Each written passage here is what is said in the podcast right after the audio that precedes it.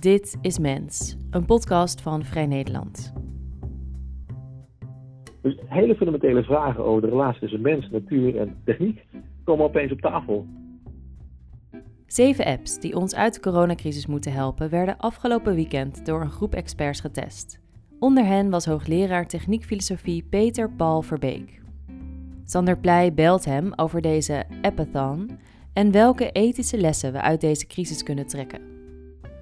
In de podcast Mens gaan we op zoek naar de toekomst van de mens. Wie willen we worden?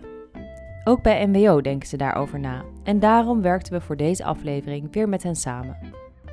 Peter Paul Verbeek, jij bent hoogleraar filosofie van mens en techniek aan de Universiteit van Twente. Zeg ik dat goed? Dat klopt, ja, Universiteit Twente. Ja. Oké, het hele weekend was jij op de Appathon. Wat, wat was dat? Ah, dat, dat was een uh, event uh, georganiseerd door het ministerie van Volksgezondheid om met zeven geselecteerde teams uh, flink na te denken over de voorstellen voor de apps die ze willen ontwikkelen rondom corona. Rondom het opsporen van de kansen dat je zelf misschien besmet bent geraakt door iemand anders. Of rondom de mogelijkheid om zelf voor je gezondheidszorg te dragen. En dat was een beproeving, zoals ze het noemden, door experts. En ik zat daarin vanuit de ethiek uh, om na te denken over de mogelijke maatschappelijke impact van dit soort apps. En of je die op een goede manier kunt meenemen in het ontwerpen en de inbedding ervan. Oké, okay, ik ben heel benieuwd hoe het ging. Want het, begin, het ging al, uh, vooraf was er al nogal wat kritiek, omdat er een. Er waren een paar honderd uh, mensen die hadden een app ingestuurd. En bedrijven die hadden een app ingestuurd. En daarvan werden er uiteindelijk, geloof ik, zeven uitverkoren. Klopt dat? Ja, ja? dat klopt. Ja, het, kijk, het verdiende allemaal geen schoonheidsprijs, bepaald niet. het probleem is denk ik dat het met veel te veel haast uh, is ingestoken. Dus de selectie uh, van die zeven apps die door mochten, als het ware, daar was heel veel kritiek op. Ook een aantal experts heeft gezegd, nou, wij doen gewoon niet meer mee als het op deze manier moet. Vond ik zelf dus ook al wel weer een dilemma van, ga ik zelf dan nog wel meedenken over uh, die zeven apps? En uiteindelijk heb ik toch wel besloten dat wel te doen. Want ik vind eigenlijk dat je als ethicus dan ook niet met je rug er naartoe moet gaan staan. En moet gaan zeggen, oké okay, jongens, ik trek mijn handen ervan af en zoek hier het maar uit. Ik denk dat het juist de kunst is om toch uh, aangehaakt te blijven. En van binnenuit de juiste kritische vragen te blijven stellen. En daar was echt volop ruimte voor. Dus jij hebt dit hele weekend hebben ze er hebben ze zeven. Ik neem aan dat je vanaf thuis uh, zat, uh, alles zat aan te horen. Of, of ja, ben je naar ja, thuis? Ja, nee, het was echt uh, heel mooi georganiseerd. Dus er waren allemaal panels waar je steeds een uurtje had of drie kwartier met uh, een groep appontwikkelaars. En waar je met een panel van uh, experts eigenlijk vooral ze nou ja, adviezen mee kon geven. En vervolgens gingen ze dan de hele nacht doorprogrammeren. En werd op zondagochtend werd het, nou ja, het volgende resultaat weer aan ons gepresenteerd. Klinkt een beetje zo als allemaal van die, alsof alle cowboys van Nederland erop af waren gekomen. En de, het had al, is al geheel een beetje zo'n houding van uh, we gaan in de polder gaan we Silicon Valley nadoen. En dat, dat hoort allemaal met snel en pitches van 90 seconden. Ja, nou ja, ik, ik weet eigenlijk niet. Het, het had juist, vond ik, meer de sfeer van Europa. In die zin dat het echt ging om democratie, grondrechten, mensenrechten, privacy, autonomie. Uh, we willen geen maatschappij waar je met een groen of een rood scherm alleen maar deel mag nemen of niet deel mag nemen aan bepaalde zaken. Dus in die zin vond ik het juist niet Silicon Valley. Het, het was niet een, een, commercieel feestje van, uh, van nerds die uh, geld willen verdienen met een app. Het was juist uh, doordrenkt van de ethiek. En ja? eerlijk gezegd vond ik dat dus ook een schil contrast met wat ik zat te doen. En als ik mijn Twitter bleef volgen, want daar ging iedereen los op hè, de zorgen dat je, als je eraan meedeed, dat je het aan het legitimeren was. En ook de zorg dat die appontwikkelaars geen flauw benul zouden hebben van ethiek. Nou, het, het, ging echt alleen maar over ethiek. En uiteindelijk is er ook overigens dus niet zoveel uitgekomen, zou je kunnen zeggen. Wel een paar interessante apps. Maar ze konden geen van allen nog voldoen aan de standaarden die waren opgelegd. Dus dat is ook een mooie uitkomst. Dat je transparant dit doet. Dat je gewoon een heel weekend keihard werkt. Hè, waar al die organisaties en bedrijven ook gewoon heel veel tijd en heel veel geld en personeel in, in stoppen. En dat je ook moet constateren, wat ik een goede uitkomst vind, dat het dus niet kan in die korte tijd. Als je het echt goed wil doen, kost dat veel meer tijd, veel meer zorg en aandacht. Oké, okay. en wat zijn, uh, dit suggereert dat het uiteindelijk wel kan? Ik denk dat het uh, in principe een hele mooie manier is om ehm, grote IT-projecten uh, als het ware aan te besteden als overheid. Omdat het enorm transparant was. Dus dat, dat vond ik echt het mooie eraan. Het was heel democratisch. Iedereen kon meekijken. Je kon inloggen op die, op die livestream. Je kon het volgen op, op YouTube.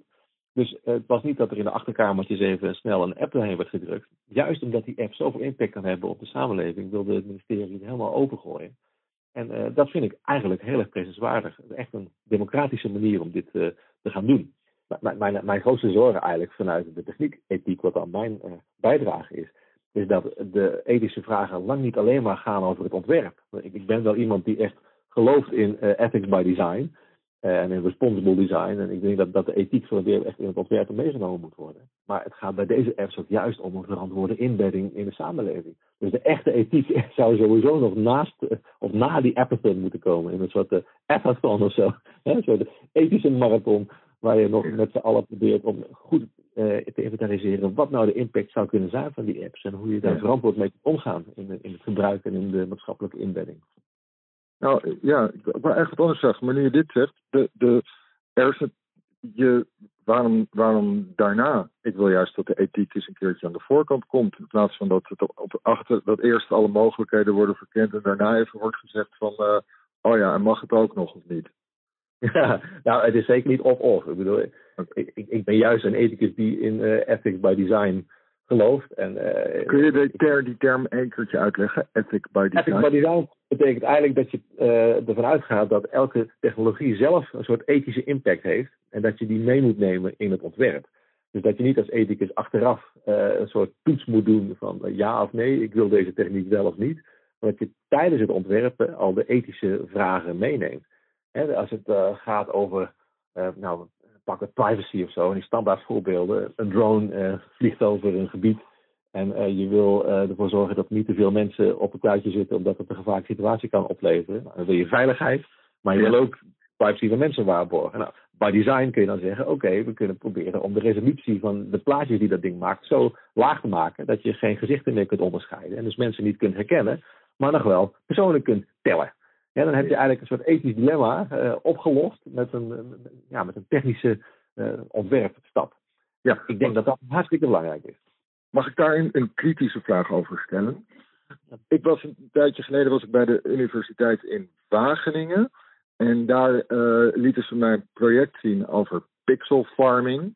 En dan gingen ze bekijken hoe je allerlei gewassen met de uh, digitale technieken uh, naast elkaar kon laten uh, groeien. En toen kwamen ze uiteindelijk achter dat de allerbeste manier was om heel veel gewassen, heel verschillende gewassen, op hele kleine stukjes grondvlak om elkaar heen te planten. En dan te gaan ontdekken welke gewassen het beste met elkaar uh, combineerden. Waardoor je geen insecticiden en alles nodig had en zo. Maar de uiteindelijke oplossing die ze, waarbij ze komen, is niet technisch. Dus zij hebben het, een, een, probleem bedacht, hebben ze bedacht, wat, hoe kunnen we dat met techniek gaan oplossen? En hun conclusie durfden ze gewoon te zeggen van nou, onze conclusie is dat we eigenlijk geen technische oplossing nodig hebben. Dank Nou, dat is eigenlijk wel helemaal in lijn ook met hoe wij uh, aan tafel zaten met die appontwikkelaars.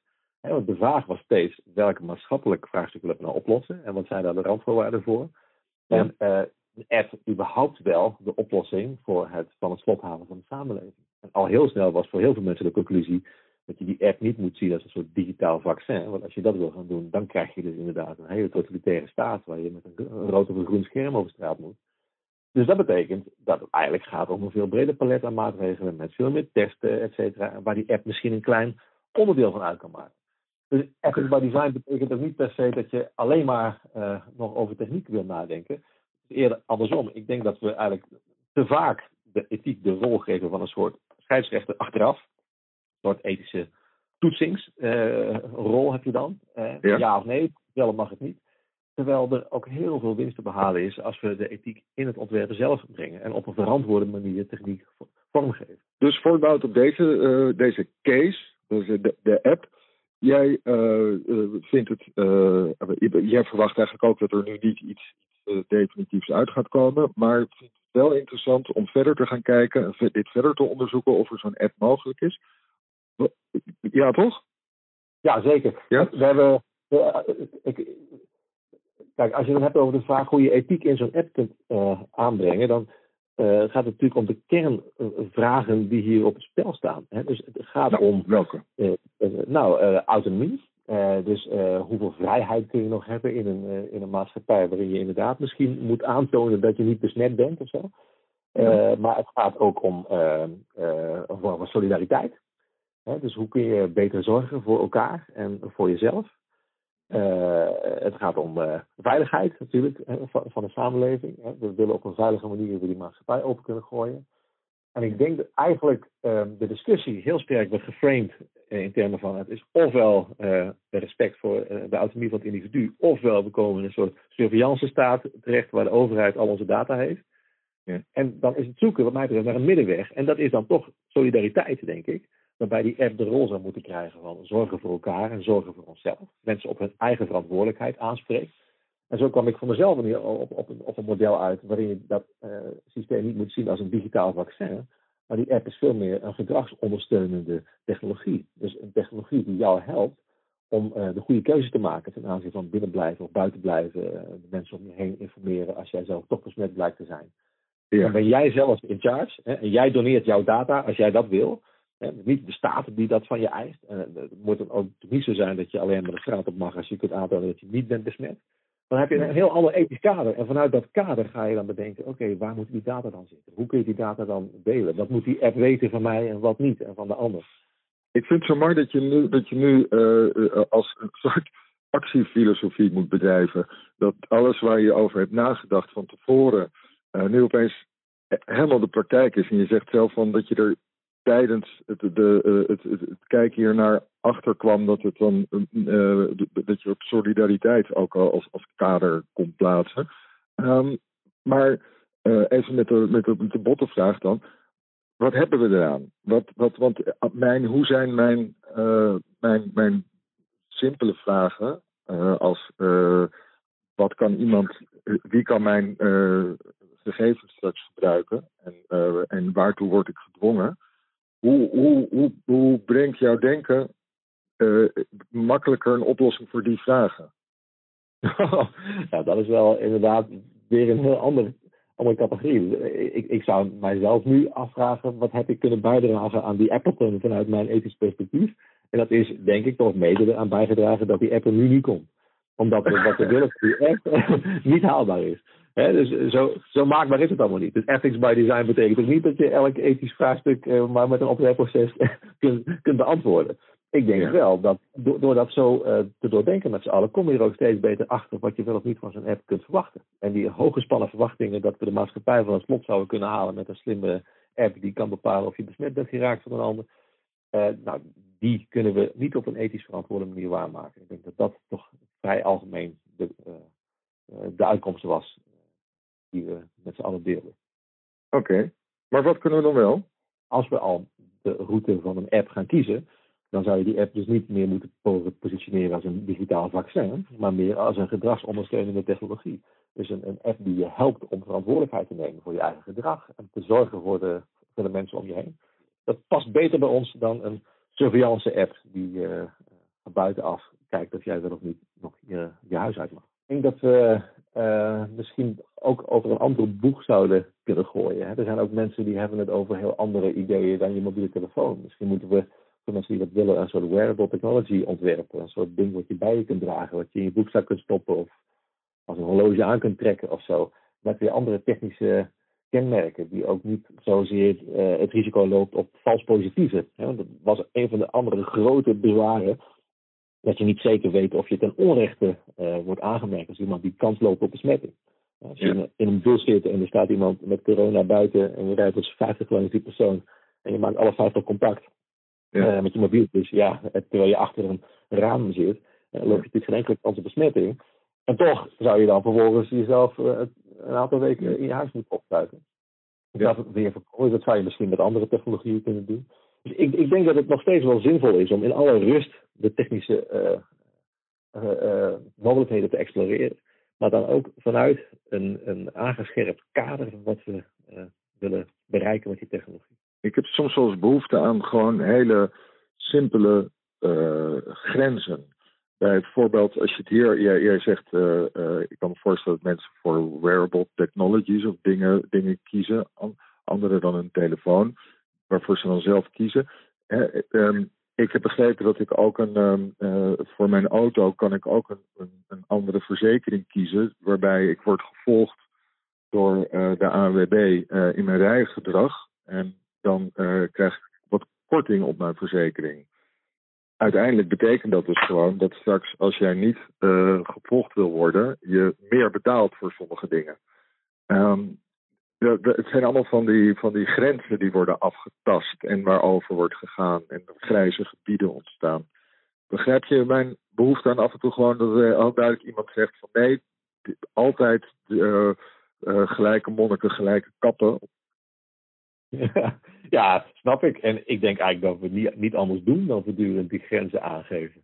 Het is alleen wel zo dat technologie die grenzen ook steeds helpt opschuiven. Dat is, vind ik, een van de fascinerende aspecten van uh, uh, nieuwe techniek. Op het moment dat je dat eenmaal leert zien, dat techniek een onderdeel van onze cultuur is en ook onze ethiek mede beïnvloedt, dan zie je ook dat uh, grenzen opschuiven. En ook op een manier die wij nu, denk ik, ook als wenselijk zijn gaan zien, die dat misschien ooit niet waren. Hoe wij nu denken over waardig sterven. En dus ook over euthanasie, omdat we met technologie het lijden in de stervensfase kunnen verkleinen. Radicaal veranderd. Het was ooit gewoon iets waar, je echt niet. Uh, er zijn trouwens nog steeds mensen die dat echt een onbespreekbare optie vinden. Dat je iemand helpt dood te gaan. Dat, dat, is, dat is moord. Of hoe we nadenken over abortus. Hè? Dat dat vroeger zoiets was als: ach ja, je hebt geen zin in een kind met Down. En nu is het eigenlijk ook een, een, daad van zorg voor mensen. Dat als ze weten dat ze kinderen down krijgen, dat ze in ieder geval of echt voor kunnen kiezen. Of ook soms uh, ervoor kunnen kiezen, juist ook vanuit het oogpunt van het kind, om die geboorte niet door te laten gaan. Uh, die heldere grenzen waar je naar zoekt, die zijn uh, denk ik minder helder van nature als het ware. Die moeten we steeds weer ook blijven opzoeken, omdat techniek ze voortdurend blijft verschuiven. Heb je nou. Ja. Heb je dat je meer uh, dichterbij komt bij uh, het, in plaats van het waarschuwen van, uh, over wat er gebeurt, meer begint naar de vergezichten vanuit de filosofie van ja, waar, waar moeten we heen en wat, zouden, wat, wat moeten we eigenlijk willen, in plaats van alleen te moeten zeggen van wat moeten we niet willen. Uh, dat vind ik wel een hele mooie vraag. Ik, ik denk het eigenlijk wel. Ik denk dat uiteindelijk misschien in het klein je in die discussie over die app ook uiteindelijk op de vraag uitkomt. Waarom willen we dat ding eigenlijk überhaupt? Wat is nou het, doel? Wat willen we in de maatschappij bereiken? En uh, die nieuwe crisis waar we in zitten rondom corona uh, is natuurlijk zo nieuw en zo. ja, we, hebben zo weinig antwoorden nog op allerlei vragen dat heel veel open ligt. Dus dat is wel de rol die je kunt pakken. En ik vind het ook een veel constructievere vraag. En je afvragen met z'n allen waar we heen willen. En aan wat voor maatschappij we eigenlijk aan het bouwen zijn als we dit soort apps gaan introduceren. Dan alleen maar de grenzen af te bakenen van waar we niet heen willen. Is dat ook een beetje fijn om, om daarover na te denken op een ja, soort bovenpolitieke manier? Ja, absoluut. Het is voor mij zelfs een beetje wennen om nu meteen in zo'n enorm politiek vaarwater te zitten. Ja. Want uh, ik denk eigenlijk dat je er met wat meer afstand ook nog uh, heel mooie uh, reflecties aan kunt ontlenen. überhaupt die verbinding tussen techniek en moraal. Of techniek en de manier waarop wij ons leven leiden. En zien dat dat een, een, een op en neer is, een tweerichtingsverkeer. Hè, waarin wij natuurlijk de techniek ontwikkelen waar we mee willen leven. Maar die techniek die vormt ook ons leven weer en maakt ons weer tot andere mensen.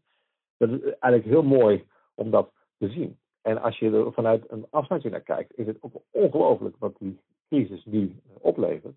Ik ben enorm geïnspireerd door het werk van Latour, Bruno Latour, een Franse filosoof, die ook uh, heel indringend een verband legt met de milieucrisis. En ook uh, zegt, ja, het argument was altijd dat we de economie niet konden afremmen, want die moest doordenderen en daardoor konden we geen vergaande milieumaatregelen doorvoeren. maar kijk wat we kunnen. Binnen een week uh, is de hele machine stilgezet. En dat maakt uh, zoveel ruimte voor het stellen van hele fundamentele vragen over wat voor economie we terug willen. en wat we dan belangrijk vinden. En ook hoe we met de natuur omgaan. Want het is natuurlijk toch in zekere zin ook de natuur, wat dat dan ook mogen zijn, die zich hier uh, roert. althans, wat wij van de natuur gemaakt hebben. Dus hele fundamentele vragen over de relatie tussen mens, natuur en techniek komen opeens op tafel. Bruno Latour die zegt ook dat het een gele, generale repetitie is voor de milieucrisis, wat er nu gebeurt. En Ja. toen, toen ik dat las, dacht ik meteen van, ja, natuurlijk, maar wel- wat leren wij mensen ooit? Dus eh, de, de, eh, van, van, de, van AIDS hebben we ook niks geleerd. En van SARS hebben we denk ik ook niks geleerd. Dus eh, ik, kun je mij aangeven waar jij zelf denkt dat eh, de, de, de, het idee, idee van herbezinning en een nieuw normaal en we gaan dingen nu anders doen. ehm, kun je mij aangeven waar je dat, eh, ja, waar je daar wel iets ziet en een soort iets hoopvols ziet en iets denkt van ja, nou ja, daar gaat toch misschien echt wel wat gebeuren. Wauw. Nou. Ga ik even achterover eh, zitten. ja, ik, eh, ik weet niet of ik het, eh, of het evangelie van de uittocht uit de crisis kan, kan geven.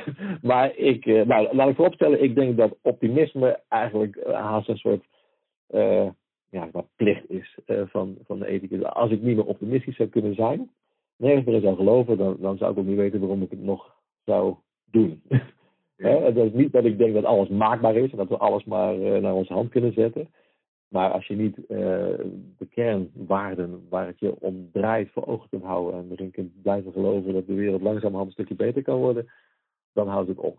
En ik zie nu met Latour in de hand dat wij eh, opeens onszelf laten zien dat we tot heel veel in staat zijn. En natuurlijk is het een dramatische ontwikkeling. De economie gaat inklappen, mensen worden werkeloos, et cetera. Eh, dus als we eh, naar een nieuwe orde toe zullen willen, dan zal dat ook heel grote gevolgen hebben. En het is niet altijd een gezellig proces. Maar de ruimte die het geeft om te beseffen dat het kan. En dat we als er nood aan de man is dit eh, kunnen. Dat we ook nu kunnen leren van de ervaringen. En met name eh, het leren eh, leven in een digitale samenleving. Waarin we misschien bijvoorbeeld het aantal verplaatsingen enorm kunnen verkleinen. In ieder geval eh, alle reizen die ik zelf bijvoorbeeld ook maakte voor UNESCO de hele wereld over. Dat we die toch eh, tot een eh, fractie eh, van wat het was hopelijk kunnen, terugbrengen. Dus dat is ook wat ik hoop. Dat we straks niet de maatschappij van het slot halen en denken, ach, eh, we hebben het weer gehad. We gaan weer eh, terug naar, het, eh, naar, naar de oude status quo. Eh, ik denk dat we ook moeten oppassen dat je niet nu een grand design voor een nieuwe samenleving neer gaat leggen, want dat loopt doorgaans ook slecht af. maar dat we het moeten zien als ja, zeg maar, trial and error, piecemeal engineering, zoals ze dat noemen, stapje voor stapje. We hebben nu een flinke deuk gehad en we, we, moeten weer eh, opkrabbelen. En eh, we ontdekken wat we kunnen opgeven, wat we kunnen missen. En we ontdekken ook wat we echt niet kunnen missen. En vanuit die inzichten eh, moet het ongetwijfeld mogelijk zijn om weer eh, nou ja, op, op een andere manier eh, onze maatschappij op te starten dan het was. En misschien het allerbelangrijkste wel, dat je ontdekt dat er nieuwe vormen van solidariteit nodig zijn. Dat dat doorgeslagen individualisme, dat dat ja, opeens ook een tik krijgt. Dat het er ook echt om gaat nu, hoe we voor elkaar zorgen. Uh, en dat het niet alleen maar uh, gaat om onze eigen autonomie en onze eigen privacy, maar dat we er echt uh, een gezamenlijk project van moeten maken. En dat vind ik ook interessant aan hoe Nederland het doet. Ik, ik zit uh, in UNESCO in een ethiekcommissie, ik voorzitter van over wetenschap en techniek. En uh, daar wordt ook heel veel hierover gesproken. En in het begin was Nederland eigenlijk een beetje de risée hè, met de intelligent lockdown. Want we hadden veel te veel vrijheden. En nou ja, we hadden het over groepsimmuniteit en dat was helemaal immoreel. Ja. Maar als je nu kijkt hoe het hier gaat, uh, dat Nederland erin is geslaagd om mensen nog steeds op hun eigen verantwoordelijkheid aan te spreken, maar daarmee ook op hun solidariteit. Dat het niet alleen maar gaat om jouw eigen bewegingsvrijheid of niet. Hè, en dat ook niet om een soort autoritaire staat die je opsluit in je huis, zoals in Frankrijk gebeurt. Maar dat wij uh, dat uh, ja, op, op deze manier doen, vind ik ook een heel belangrijk inzicht. Dat kan misschien ook richting duurzaamheid en richting andere grote maatschappelijke vragen. Ik zou bijna trots zeggen op als, er, door, als we er op deze manier doorheen zijn gegaan. En dan een gevoel van, hé, hey, dit is wel een soort een manier die, we, die wij vaker kunnen doen. En dat er een soort ja, groepgevoel ontstaat. Dat, ja, ja, ja. En, ik wil... en dat is altijd weer terughalen naar die app, als ik er dan even de cirkel rond mag maken. Ja. Uh, want ondanks alle kritiek terecht op uh, het haastige gedoe met die app, het was ook wel weer iets van het samen doen. Er worden experts bijgehaald, totaal transparant en open. Je kon het volgen op YouTube. Dus het was niet de staat die eventjes een app over de maatschappij uitstort. Nee, de staat die laat het eindeloos checken en uitzoeken en uh, bashen. en ja. dat vind ik, uh, ik, heb dat, ik heb dat beestje vooral meegekregen, moet ik zeggen. Van, uh, nou ja, dat is, dat toch dapper. Ik bedoel, dat is iets anders dan de staat die gewoon zo'n app doorvoert zonder enig overleg. En je gegevens gaat ja. tracken. Dus ik, ik, vind dat ze zelf hiermee ontzettend open en ook ja, zeg maar, kwetsbaar opstellen. Heel veel respect voor. Oké, goed. Dank. En dan, uh, dan heb ik nog een andere vraag. Uh, jij geeft ook een. een, een je, je, doet natuurlijk ook gewoon je, werk aan de universiteit. En vanuit dat werk aan de universiteit gaven jullie ook een, een, een reeks colleges over de, de, hoe, hoe, welke filosofie uh, je kan gebruiken bij het kijken naar artificiële intelligentie. En volgens mij gaven jullie nu een openbare cursus of een aantal openbare lezingen die wij als, als lezers uh, of luisteraars van de podcast ook kunnen gaan volgen. Klopt dat? Ah ja. Nou ja, er is een, een, aantal dingen. Ik weet niet precies uh, wat je allemaal gezien hebt, maar wat, wat, in ieder geval leuk is om te vermelden is dat we een, een, een MOOC, een, een online cursus draaien vanaf 4 mei. Die kun je gratis volgen. Het is ook een heel kleine tijdsinvestering. Het zijn drie weken die je maximaal vier uur per week kosten. Dus echt een beetje een soort crash course in de filosofie en ethiek van techniek en het ontwerpen. Philosophy of Technology and Design heet de cursus. Als je naar uh, mijn eigen website gaat, www.ppverbeek.nl, dan vind je een link naar die cursus. En uh, die kun je gewoon gratis doen. En er zijn allemaal leuke filmpjes, opdrachten. En de, de lol zit hem ook vooral in het onderling kunnen discussiëren over al die opdrachten. Het gaat eigenlijk uh, in heel brede zin over de invloed van technologie en de maatschappij. In de eerste week uh, gaat het echt een beetje over de meer traditionele opvattingen. Martin Heidegger, Carl Jaspers, hè, wat yeah. oudere opvattingen. Dan week 2 yeah. gaat over hedendaagse techniekfilosofie.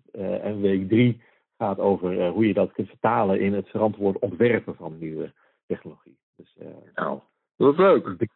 Ja, dat is hartstikke leuk. En, en, heel mooi in deze tijden van corona, als je toch thuis zit, uh, twee keer uh, een avondje inloggen, maak je makkelijk vier uur in een week. en dan kun je die cursus makkelijk doen. Ik ga dit doen en ik hoop dat een hoop luisteraars het ook gaan doen. Je loopt nu wel het risico dat we je dan na mij nog keertje gaan, uh, gaan bellen. Met uh, allemaal vragen over hoe we verder moeten of onze eigen ideeën. Um, Lijkt me hartstikke Oké. Okay. Heel erg bedankt. Graag gedaan. Okay. Succes podcast en met alles. Jo. Dankjewel. ja, dank. Ja, hoi hoi. Doei. Dit was Mens, een podcast van Vrij Nederland. Als je hebt geabonneerd, vind je de nieuwste aflevering als vanzelf in je favoriete podcast-app. Op vm.nl/slash mens vind je ook de nieuwste afleveringen en artikelen rond die afleveringen. Mens wordt gemaakt door Sander Pleij en Misha Melita.